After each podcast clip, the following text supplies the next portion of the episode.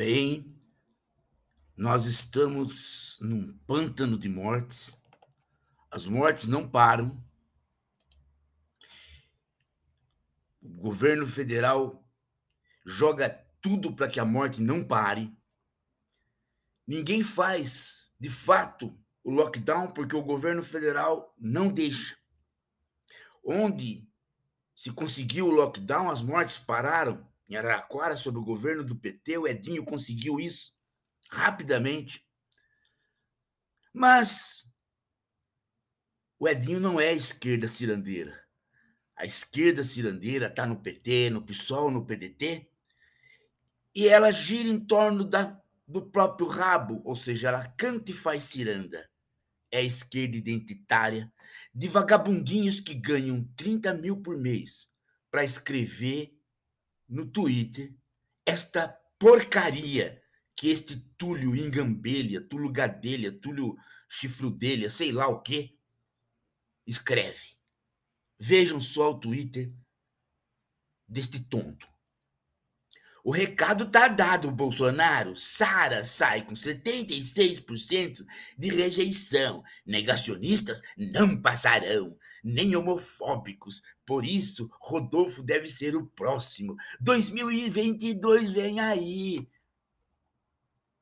Esse cara está comemorando novos tempos, assistindo o BBB na casa dele, enquanto todo mundo morre, e ele brincando de falar para o Bolsonaro que nas próximas eleições o mundo vai melhorar.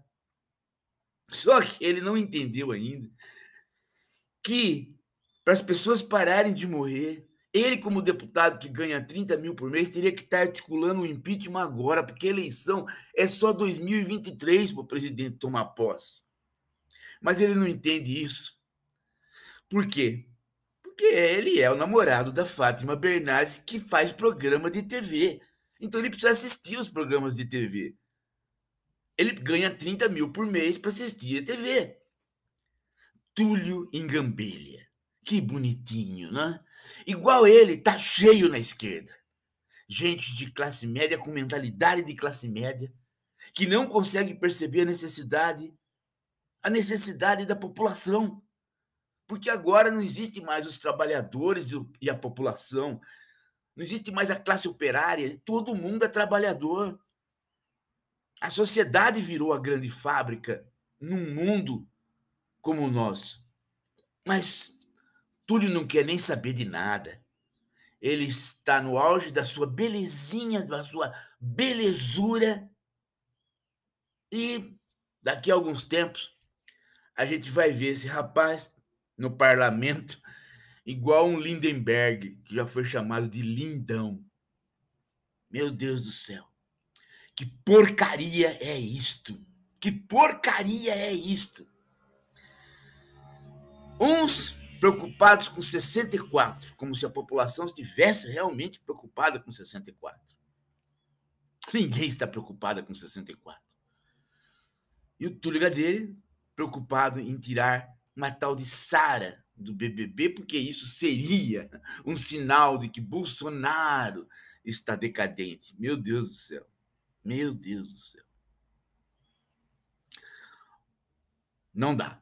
Esse tipo de esquerda não dá, gente. Nós temos que reeducar com tapa na orelha essa molecada. E o que é pior, tapa na orelha de velho. Porque até o Ivan Valente larga tudo para ficar atrás de 64. Discutindo se vão comemorar ou não 64. É a mesma merda de discussão sobre BBB. Chega disso.